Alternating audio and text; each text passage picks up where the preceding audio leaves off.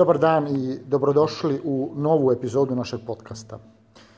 Današnja epizoda se zove Crnogorske ekonomske pijevice. Da li biste voljeli da se liječite metodama iz 17. ili 18. vijeka? Vjerovatno ne. Da li biste voljeli da vam se ekonomska dobrobit zasnjeva isključivo na tekovinama ove epohe?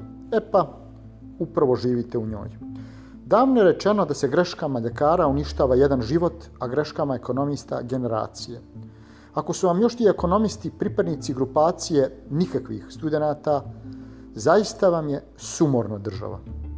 Da budem vrlo konkretan, nijedna nauka se ne smije isključivo zasnivati na prošlim otkrićima.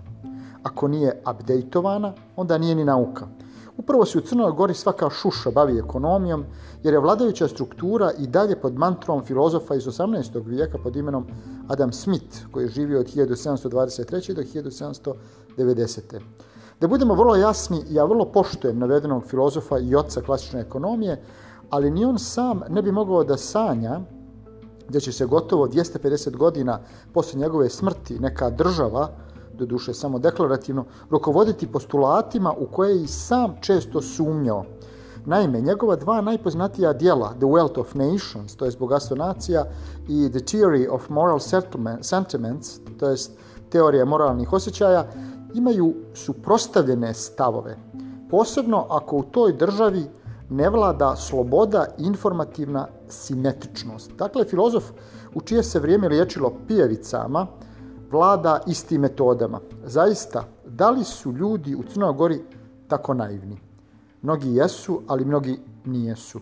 Ovi drugi višegodišnjim manipulacijama, ali prvenstveno metodama ucijene i sijanja straha, vladaju korišćenjem ove metode koja se zasima na takozvanoj slobodi tržišta, a suštinski u crnogorskom scenariju klientalističkim odnosima u kojima se vezama rokovodi, a koje veze nemaju sa slobodom i totalnim nipodoštavanjem humane strane učesnika u prometu, kako na strani ponude, tako i na strani tražnje.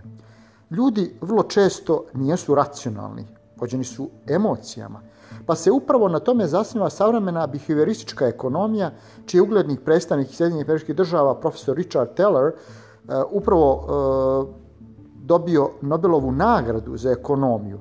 No, crnogorska elita ekonomista pod navodnicima elita, a suštinski plejada poltrona i manipulatora predvođenih rastoškim diktatorom i njegovim glujima, kao da je gluva i slijepa na novosti na kojima se bazira savremena ekonomska misao. Za njih su i postulati savremenog održivog razvoja samo slovo na papiru. Kao profesor strateškog marketinga na Pešinom univerzitetu u Dubaju, mogu dokazati koliko je dug put od definisanja strateških planova do uspješne implementacije istih. Posebno na ovom drugom polju Crna Gora je miljama izgubljena. Principi holističkog marketinga o kojima je skoro uh, pisao profesor Kotl sa saradnicima u Marketing e, uh, 3.0, kao u ostalom i savremena ekonomska nauka, baziraju se na povezanostima interesa čovjeka, društvene zajednice i ekološkog okruženja.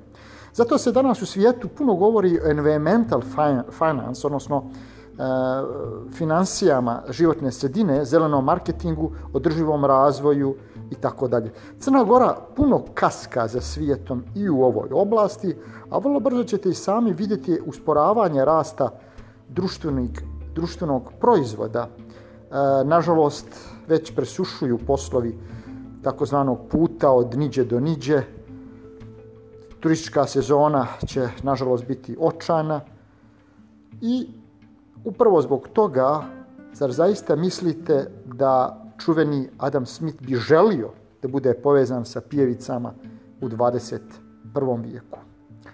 U pamet se crnogorci. Hvala na slušanju.